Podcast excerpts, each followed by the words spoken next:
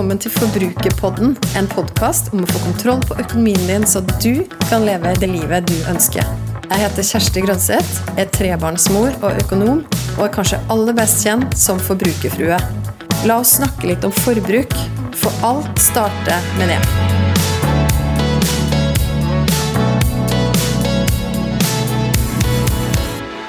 Usikkerhet den stemmen som av og til og av ulike årsaker forteller oss at vi ikke er gode nok, finnes i oss alle. Den usikkerheten kan være så sterk at vi ofte strekker oss langt for å unngå situasjoner som får oss til å føle oss sårbare. For å unngå å føle på frykt og utilstrekkelighet prøver vi heller å dekke over, noe som ofte innebærer at vi streber etter å bli perfekte, eller at vi prøver å døyve det som er vanskelig inni oss, med å forsøke å bare ikke tenke på det, eller i verste fall drukne bekymringene med ting som ikke er bra for oss. Og det er klart at det her kan fort koste oss dyrt, og få konsekvenser både for helsa vår, men ikke minst også for lommeboka. Jeg spurte dere som følger meg på Instagram om å dele eksempler på det her, og da sier dere ting som at vi tenker at vi må kjøpe masse greier for å være gode nok, for å være godtatt eller å passe inn, eller at det er ganger vi rett og slett ikke har det godt, og at vi søker ytre stimuli for å kompensere. Og det kan jo være med noe så uskyldig som sjokolade eller godteri, men også noe som kan få større konsekvenser, som eksempel et overforbruk av alkohol, eller også hvis man ender opp med å bruke masse penger på å reise eller å pusse opp, mens man egentlig bare flykter fra noe som er litt vanskelig. I denne episoden skal vi utforske mer hvilke usikkerheter som koster oss dyrt, og jeg har vært så heldig å få intervjue en psykolog. Hun heter Maria og driver kontoen Syk deg i sosiale medier. Og av det vi snakker om, så er det mest sannsynlig noe du kan kjenne deg igjen i. Vi snakker nemlig om sammenligning, om hvorfor og hvordan det skjer, om selvfølelsen vår, og om hva som funker bedre enn å bruke masse penger på å dekke over usikkerhetene våre. Så nå er det bare å kose seg med intervjuet med Maria. Og du, husk å fortelle oss etterpå, da, hva du syns om episoden. Maria Østhassel, hjertelig velkommen til Forbrukerpodden. Tusen takk, det er veldig stas å få være her. Det er så stas, og det her har jeg gleda meg til. For vi skal snakke om et tema som er ekstremt viktig i dag. Mm. Mm. Du brenner for å dele om psyken vår, du, med oss. Ja. Som faktisk kan være til hjelp for oss i hverdagen. Mm. Kan du fortelle oss litt mer om hvem du er, og, og hvorfor du gjør det du gjør? Det kan jeg.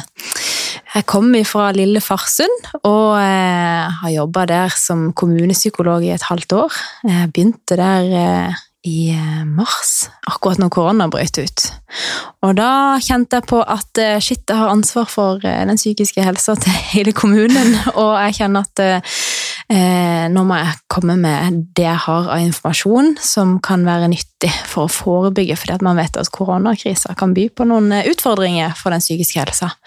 Og, så det var egentlig der det begynte, at jeg eh, ville drive mer med formidling, så jeg lagde en eh, Instagram-profil som heter Sykt, eller heter Sykt deg, med PS. Um, og den uh, vokste seg litt større og større og større, og så uh, nå driver jeg både TikTok og Facebook som wow. Syk deg. Ja, så, så det, det, er det jeg driver med nå. Driver med formidling og holder foredrag innenfor psykologi, og også er jeg gift og har en sønn på to år som mm. heter Alfred. Mm. Ja. Fantastisk. Ja. Du, jeg gleder meg til å snakke om det vi skal snakke om i dag. Fordi litt sånn skissen for denne episoden her, den har jeg hatt lenge, og så dukka du opp, og så tenkte jeg det er sånn perfekt match. For jeg har lyst til å snakke om hvilke usikkerheter vi går med i livene våre som koster oss dyrt. Mm. Stort tema. Du har annet skrevet det her i en av dine poster. Samfunnet vårt har enorme forventninger til hvordan vi skal framstå, og kapitalistene nyter en stor økonomisk gevinst av vår usikkerhet. Det markedsføres stadig nye produkt som suger til seg penger vi er villige til å bruke på å være oppdatert på hvordan det forventes at vi skal se ut. Og vi som mennesker er med på å tillate det når vi følger strømmen. Det syns jeg var utrolig godt skrevet. Vil du si litt mer om akkurat det her? Ja, altså dette er jo noe De som driver med markedsføring, er jo eksperter på å skape nye behov, i oss hele tida. Og, og, disse spiller på selvfølelsen vår. Og vi blir eksponert for det hele tida. I alle medier og plakater. ikke sant? Dette har vi jo visst en stund, men nå er det jo overalt hele tida. Til og med uten at man legger merke til det og scroller gjennom ting i feeden vår, og så følger man ting som, eh, som kan være uheldig for dette her. Hva er type usikkerheten hos oss som får oss til å, å, å føle at oi, det her må vi bare ha, det her må vi kaste oss på? Mm, det er jo måten det blir framstilt på, og så er det det med å føle seg lik andre. Vi ønsker å være, vi ønsker veldig stor grad å ha sosial aksept. Det å være en mm. del av flokk flokken er et av våre primære instinkter, for det, det, handler om overlevelse, faktisk. Mm. Så det å bli likt av alle andre, eh, det er et sånn kjempesterkt behov vi har. Eh, og når man da får en illusjon om at det det, hva som skal til for å bli likt, f.eks. det å ha den og den veska, eller ha den og den frisyren, eller de og de klærne, bilen, så, så, så er vi villige til å bruke mye penger for å føle aksept. Mm. Og det har faktisk jeg lest en gang at uh, vi er jo faktisk skapt og meint til å sammenligne oss litt med andre. Mm. Eh, fordi vi nettopp Altså, vi er jo meint å være en del av en flokk, mm. men at den flokken den var kanskje i utgangspunktet veldig mye mindre enn det den er i dag. Mm. Og at vi var meint kanskje mer til å speile oss da um, sunt mot et fåtall mennesker, men nå har vi jo mange hundre, potensielt tusen mer eller mindre tilfeldige personer som får tilgang rett inn til oss gjennom feeden vår i sosiale medier. Ja. Mm. Og, og, problemet her er jo at eh, de, som, de, vi følger og de vi ser på, de blir jo betalt masse penger for å reklamere for dette. Det er ikke noe de i utgangspunktet syns var stas. For eksempel så har du Mohammed Salah, hva, han, hva slags fotballsko han bruker. Eh, det får han betalt masse penger for, og så tror eh, Ole på tolv år at det er de skoene som skal gjøre han god, og da får han foreldrene til å betale dyre sko for, for at han skal bli god, ikke sant? Så, så og, og, og, disse influenserne de reklamerer jo masse for ting som de egentlig ikke står for sjøl, og så tror vi på det. Og så forandrer dette seg hele tida, så det, vi må jo følge med. Mm. Vi, vi, må bytte ut alt hele tida. Mm. Så vi forankrer selvfølelsen i vår, vår, i veldig flyktige ting, da. Mm. Og der tror jeg, når du er inne på det, da, sammenligningen og sosiale medier og Én ting er jo på en måte influensere og sånn vi følger, men jeg tror også litt sånn når vi følger med på bare hverandre, eller naboen sin interiørkonto, mm. eller mm. uh, kusina di som også har barn Apropos det med barn, du har barn, jeg har barn. Mm. mm. Hvor utrolig lett det også er der. At det sniker seg inn sånne ting som at vi, vi føler at vi må ha de og de klærne eller de og de utstyrene, at det må være en viss standard osv. Ja, og det er jo et kjempemarked, fordi at vi som foreldre det, det, viktigste i verden er å være en god mamma og pappa, ikke sant, og kjenne at vi kan gi barnet vårt det de trenger, og trygghet først og fremst. sant? Så, så til og med liksom bilstoler og vogner og, og, hva slags stoff det er på klærne, ikke sant, det bruker markedsføreren til det det er verdt, vår usikkerhet knytta til dette her. Så hvis du ikke gir barnet ditt den og den tingen, så, så, er det ikke sikkert at de har nok trygghet. Det, mm. altså, og da er jo du en litt dårligere forelder enn de som faktisk kjøpte den litt dyrere. Føles det som for mange. Mm. Ja. Ja, for Det er så utrolig fort at det sniker seg inn, og jeg tror ikke at man trenger å gå og tenke at 'å, jeg er så usikker på dette området'. Men mm. hvordan tror du det likevel bare smyger seg inn, da? Mm. Ja, jeg tror, jeg tror, at det er liksom eh, Eksempel i barselgruppene. Jeg husker når jeg satt i barselgruppe, det var så mye snakk om type eh, utstyr hele tida. Sykt slitsomt å forholde seg til, fordi at jeg hadde type utstyr. Så begynte jeg å bli usikker på om det var godt nok hele tida. Mm. Men det fungerte jo. Men når andre sier at noe annet er bedre og tryggere, så, så, eh, så, så er man villig til å erstatte det hvis man har råd. Mm. Og, og, så er det jo ikke alle som har råd. Og det skaper jo store forskjeller i samfunnet på hvem som på en måte ja, føler at de, de, gir barnet sitt det de trenger, og ikke. Mm. Mm. Så det, det, er skummelt. Eh, så barselgruppe er jo et, et, eksempel, og så har du jo Kvinneforum på nett, og du har eh, Ja, og det er jo eh, ja, med masse sånne profiler på sosiale medier som, som fronter disse vognene og bruker litt sånn babyrekvisitter eh, som sånn salgsprodukt. Det er litt skummelt. Mm.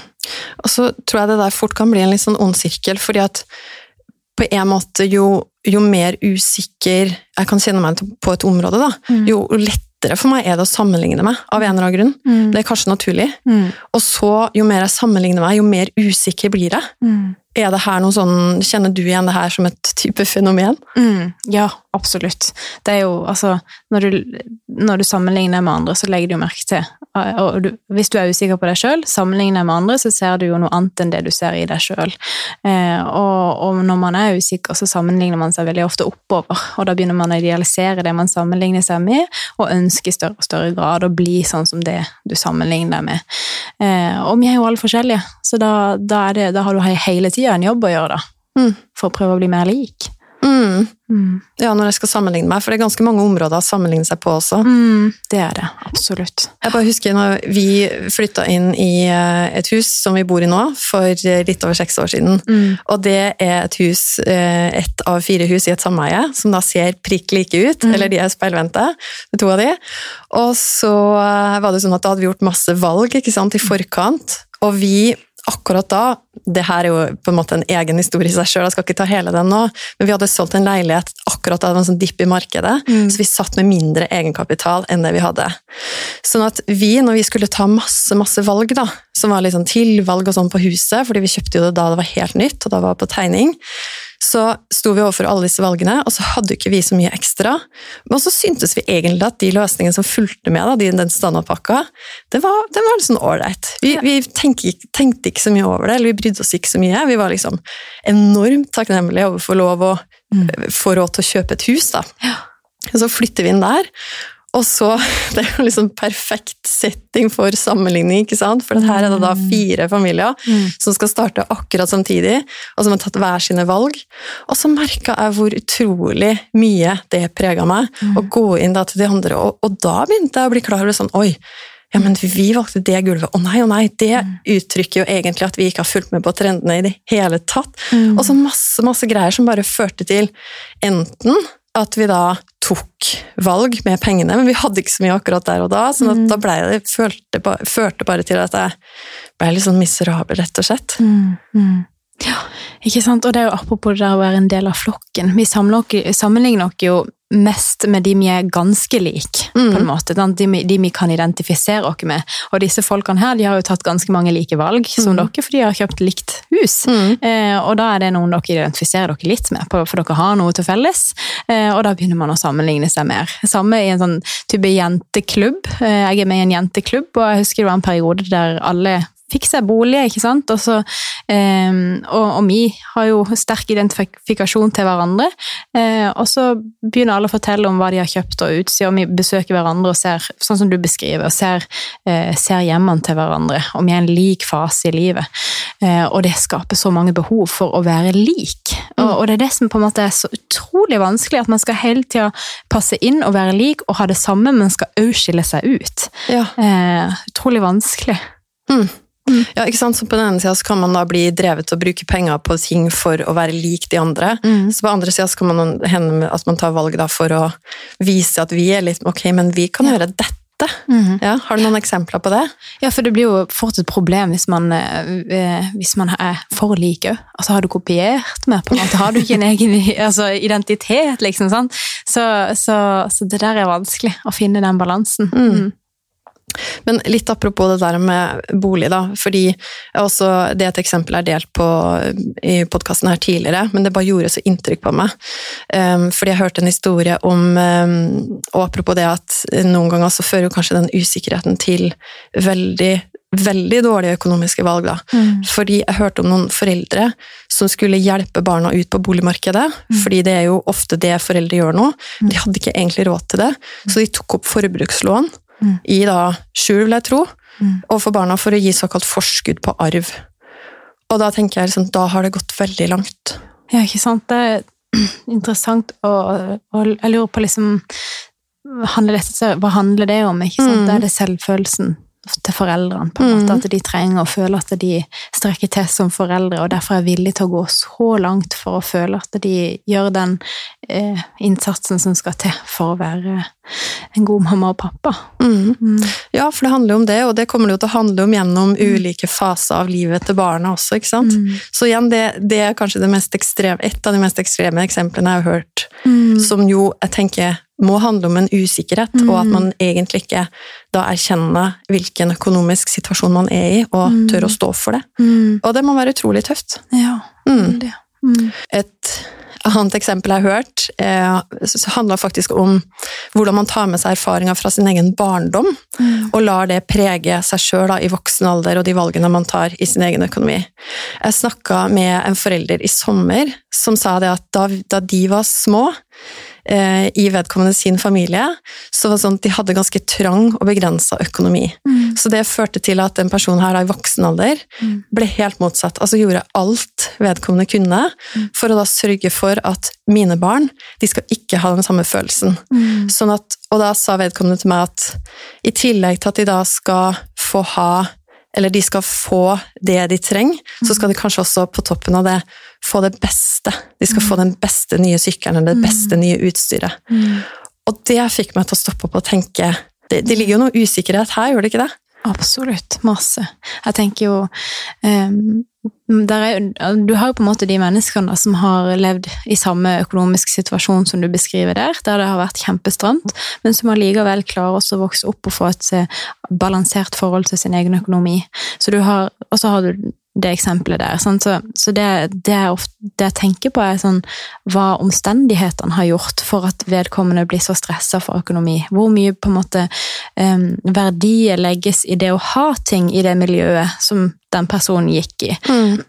Fordi det, eh, hvis, hvis man lever i eh, veldig trange vilkår, men fokuset på, på hva som skaper lykke, er noe helt annet.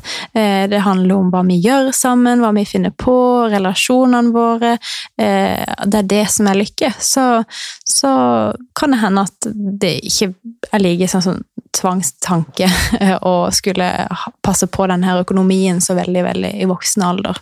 Eh, Så, så det å ha lite er ikke nødvendigvis knytta til at man skal måtte streve eh, med de tankene der i voksen alder. Jeg tror det er liksom omstendighetene rundt det.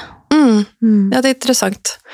Og du har også snakka om eh, et begrep som du har kalt konsumerisme, Mm. eller kanskje litt sånn egne forventninger til vår lykke. Mm. At det er det å kjøpe varer og tjenester, kanskje i stadig større mengder også. Mm. Der er det en antakelse om at vi skal kjenne oss mer lykkeligere av det, Mm. eller mer lykkelige av det. Mm. Kan du si litt mer om det? Ja, det er jo den illusjonen om at altså For man får jo en god følelse hver gang man har kjøpt en ting, så, så får man en dopaminrush, på en måte. Men så er det dette her med selvfølelsen vår oppi det. Eh, tenker jeg at eh, vi ser jo at folk strever veldig med dette, og jeg tror at det handler om at vi ikke lenger har i like stor grad noe som vedvarer i oss. Altså, vi, ikke, vi er ikke like flinke kanskje til å på en måte ha én ting hele livet. Eh, noe som vedvarer, og som ikke blir bytta ut hele tida. Og hver gang, hver gang du mister en ting, for eksempel, så skaper det et slags sånn tomrom. Sant? Denne følelsen når du mister iPhonen, så, så føler du at du mister deg sjøl litt, faktisk. sant? For du, da- da blir jeg sånn Er det egentlig meg som eier tingene mine, eller er det tingene mine som eier meg? Eh, og hva slags ting kan jeg da eh, eie i livet som vil vedvare livet ut? Hva slags ting kan jeg knytte meg til? Og da tror jeg egentlig at vi må gå til relasjonene våre. Vi må se på, på de menneskene vi har rundt, og heller liksom eh, dyrke mer lykke eller glede og takknemlighet og sette pris på det, det som vedvarer, i forhold til det som er flyktig. Og, og det er jo ting, da, Mm. som kommer og går. Men, men det er jo sånn som jeg Og det er så bra, det du sier der. Og så tenker jeg sånn at åh, jeg kan jo vite det, og så kan jeg likevel gå og tenke at jeg skal få at jeg skal kunne kjøpe meg lykke, da. Mm. Mm. Hvorfor tror du at vi ikke klarer å la det her synke sånn ordentlig, ordentlig helt inn? Ikke sant? Og vi vet jo òg at det er lurt å trene og spise sunt, og likevel så går vi på en smell. sant? Så det er jo bare sånn vi er som mennesker. Vi har så behov for den umiddelbare tilfredsstillelsen av og til. Og det, det tror jeg kommer ekstra mye når vi er i sårbare perioder. Hvis du har en periode der du føler deg lite bra, så kan det være godt å bare kjøpe seg noe nytt. Det er lettjent lykke, på en måte. Så, så, så det ligger i, i vår natur, liksom. Når vi har muligheten til å skaffe lettjent lykke, så, så angriper vi det veldig lett. Mm. Og så har du også sagt noe om at eh, forandring fryde, sier vi uten å forandre oss. Mm. Vi har en tendens til å fortsette på det sporet. Det kan også være et spor med dårlige vaner, men at det er fordi vi søker trygghet. Mm. Ja, det er liksom det, det, er nesten lettere på en måte å, å, Selv om du har tatt masse masse dårlige valg, så er det vanskeligere å eh, Det er mer skummelt med forandring enn med de dårlige vanene du allerede du er, du er, så vant til å ha, på en måte, for de kjenner du. Du kjenner den personen. Du kjenner den personen som eh, alltid shopper hver gang han er litt usikker. Den kjenner du godt, og du identifiserer deg med det. Og, og, du kjenner den personen som tar de dårlige helsevalgene. Eh, og folk rundt deg tenker jeg òg. Altså kjenne deg som den personen. Så det å forandre seg og ta et drastisk valg og bestemme seg for at nå skal jeg gjøre en skikkelig innsats i økonomien eller i helsa, eh, det krever, det krever veldig mye motivasjon både for deg sjøl, men òg fra omgivelsene dine. At de omgivelsene dine er med på å speile at du er med på å forandre det, og ikke dra deg tilbake igjen til der du var hele tida. Mm. Ja, for hvordan tror du omgivelsene våre og de omgjør oss med påvirker oss, også når, for når det kommer til økonomiske valg? Mm. Ja, altså um, Omgivelsene våre vil alltid prøve oss å dra oss tilbake til den vi var. Eh, fordi at vi liker å kunne vite hva eh, vi kan forvente av et menneske. Så hvis du ønsker å forandre deg fullstendig, eh, så forandrer jo vår relasjon seg. Eller er mitt bilde av deg, så jeg må endre min mentale representasjon av deg hvis du forandrer det. Og det, det er krevende for omgivelsene. Mm. Mm. Altså, hva er på en måte altså Hvis jeg da tenker at åh, men nå for å ta det med økonomi, da, nå ønsker jeg å ta skikkelig tak i økonomien min. Mm. Hvis noen hører på noe som blir litt truffet av det her, at ok, mm. de valgene som jeg egentlig vet er gode for meg, de tar jeg ikke. Jeg tar dårlige valg, jeg shopper når jeg ikke skal, når jeg ikke har mm. penger på konto osv. Men, mm. men hvordan, kan man, hvordan kan man på en måte snu om på det? Hva tror du? Jeg tror også man bør være litt sånn åpen om det.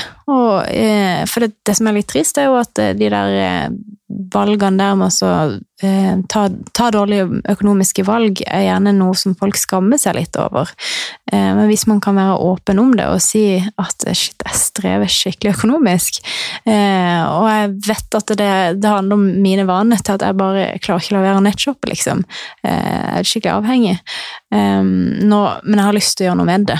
Da vil jo på en måte omgivelsene dine vite at du er i ferd med å forandre det, og eh, i større grad kunne være støttende. Så, så, det er vanskelig å forandre seg hvis du bare gjør det uten, å, uten at omgivelsene dine forventer at du skal gjøre det. Mm. Mm. Ja, Det er et veldig godt poeng, så man kan faktisk få med omgivelsene sine på en mm. endring, da, hvis man mm. bare er åpen om det. Absolutt, ja. Mm. Vi var inne på det, men du snakka om den sida med, med, oss som, som har lyst på lykke og lyst til å føle oss bedre, og at vi dermed kanskje bruker penger på ting. Men så er det også sånn de dagene vi rett og slett har det kjipt, du snakka jo om det, når vi er i sårbare perioder, så er det kanskje enda lettere å bare ja, falle for de fristelsene som dukker opp. Mm. Um, og det med shoppingterapi, mm. det er jo et ganske velkjent begrep. Mm. mm. Så hvor mye tror du det å f.eks. våkne opp og ha en dårlig dag påvirker oss når det kommer til pengebruken vår? Jeg tror det påvirker oss i veldig stor grad. Da er vi veldig latente for å ta eh, valg som eh, kan straffe seg. Ehm, men eh, og, og, jeg tror at det, det, det, liksom, det, føles godt der og da, men det, vil ikke hjelpe selvfølelsen din. Den jakka, den er stas så og så lenge, liksom. Eh, og så har ikke du fått eh, et bedre forhold til deg som person, og du, du føler, føler, deg ikke penere om to-tre uker til, dessverre. Så, så, så påvirker det ikke selvfølelsen din eh, på sikt å ta de valgene. Mm. Mm. Og så um, var det noen som sa til meg også at um, apropos det temaet her, at uh, de har brukt utrolig mye penger på det å behandle stress i sitt eget liv. Mm. Det ser jeg jo for meg, ikke sant? for når det da bygger seg opp til flere dårlige dager, mm. og så kan man være i disse sårbare periodene som vi snakker om, mm. Mm. og så ender man opp med å faktisk måtte bruke, eller kanskje bruke mye penger da, på metoder som skal få oss til å føle oss bedre, eller sånn. Mm. Mm. Men vedkommende sa at eh, men nå så har jeg begynt å gå tur i naturen, og det hjelper. Ja da. Ikke sant, for det, det er jo et fenomen som er oppe og går. Folk, altså, folk tjener jo masse penger på den psykiske helsa, de òg. De prøver å selge inn eh, ting som skal gjøre at du føler deg lykkeligere. Um, og, og det, det, er et marked, det òg, som man må være obs på. Uh, og da, da syns jeg det der tipset som hun kom med, det er å gå tilbake til naturen. Det er jo på en måte der vi er fra. Vi er jo, vi er liksom um, Vi er naturens menneske, og det å gå en tur mm. gir deg faktisk nok serotonin og lykkehormonet dopamin og av det du trenger til å føle deg litt bedre. Eh, både fordi at du er i bevegelse, og fordi at du er i naturomgivelse som kan være med på å indusere en god følelse. Mm. Mm. Ja, for jeg har jo faktisk sett at du snakker om disse psykologiens fem om dagen, og der er jo det å være fysisk aktiv mm. en av de. Mm. Hvilke andre ting er det der som du tenker er viktig? Ehm, det, av de fem om dagen, så er det jo alle de fem om dagen som er viktige. Ehm, det å, å, å velge å bruke tid på relasjonene dine, det tror jeg kanskje det vil si er det viktigste. Heller å, å knytte eh, gode bånd. Det, mm. det jeg tror kanskje er en av, en av de jeg eh, vil anbefale mest hvis man skal tenke i forhold til økonomi, da, på en måte. Se, se bort ifra eh, eh, det å bruke masse penger, så er det lurt å heller bruke tid på, på relasjoner. Mm. Mm. Og så Av de andre fem om dagen så kan vi jo nevne at det med å være til stede. Det mm. trenger ikke å koste en krone. Nei, det er veldig billig. ja. Men for mange så er det vanskelig å mm. liksom stoppe opp og være bevisst og til stede i nuet. Trekke inn pusten og kjenne at jeg er her og nå. Mm. Og så det med å fortsette å lære.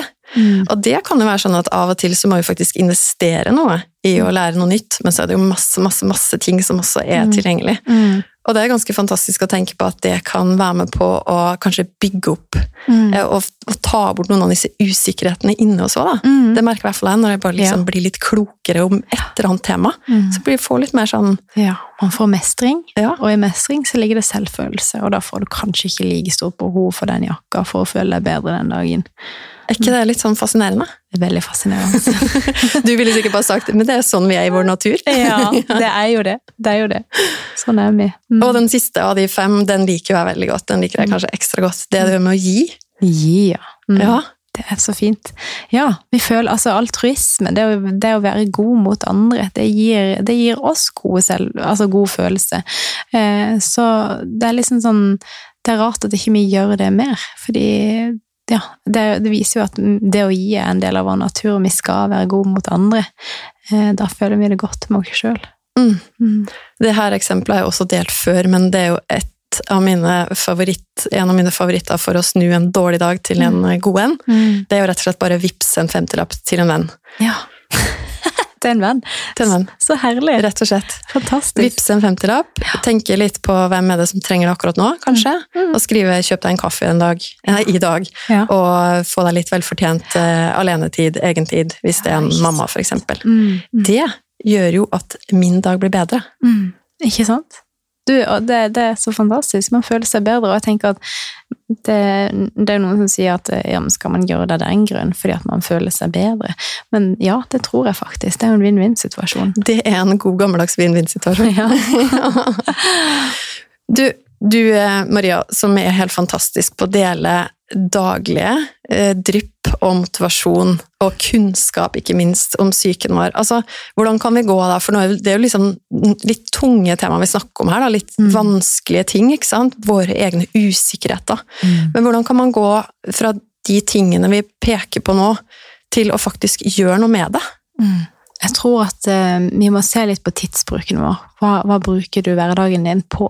Eh, og da vil du fort finne ut at du bruker veldig mye tid på skjerm på å scrolle nedover den skjermen. Da. Eh, og legg merke til hva du føler rett etter du har eh, scrolla gjennom. Hvis du da kjenner på at eh, nå fikk jeg veldig lyst på det og det, nå tenker jeg at jeg må bytte ut det og det, så kan du tenke at ok, hva er det som fikk meg til å følge det igjen, da? Er det de jeg følger? Går det an å la være å følge disse menneskene? Fordi at det er de som har indusert den følelsen av at du trenger å forandre deg for å være god nok. Og, og det koster penger. Og jeg har hørt et uttrykk som sier at eh, for å finne ut og sjekke hva som virkelig betyr noe for deg, så kan du sjekke kontoutskriften din, mm. for da finner du kanskje svaret. Ja. Det kan jo være litt sånn ubehagelig opplevelse for mange, men mm. kanskje det starter der, da, med det fantastiske som du sier, med å stoppe opp og reflektere. Mm. Den følelsen jeg har nå, hvor, hvor kom den fra? Mm. Og så sjekke kontoutskriften, det er jo alltid et godt tips. Mm. Men også å se etter hvilke ting jeg har kjøpt på hvilket tidspunkt, nesten. Eller hva Mm, var det som trigga det kjøpet. Det kunne vært litt spennende. Ja. Hva skjedde rett før du gikk og shoppa? Mm. Hvem var det som fikk deg til å føle det sånn? Og ja, hva kan du gjøre for å endre at det skal komme igjen? Du, det er helt fantastisk, Maria. Jeg heier så på det du gjør. Og anbefaler selvfølgelig absolutt alle som hører på denne episoden her, å gå inn på Instagram eller TikTok, om du er der, og følge Sykt deg med PS. Sykt deg. For da får du altså disse, og det du får Du kommer ikke til å angre på det her er en person du vil følge, og ikke, ikke unfollowe.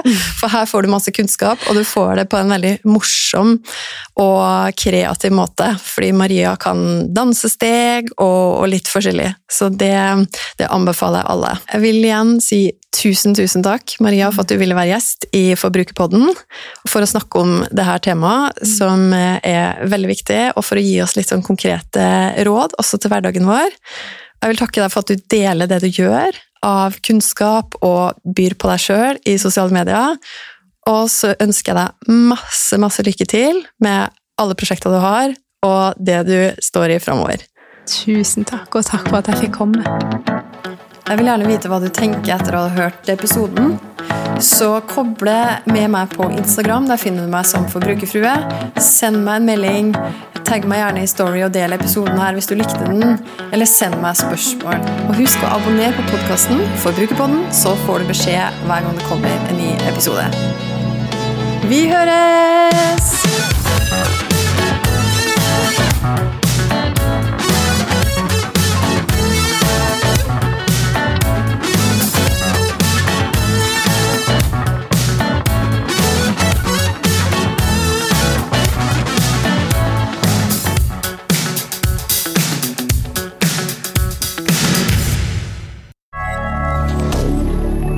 Moderne media.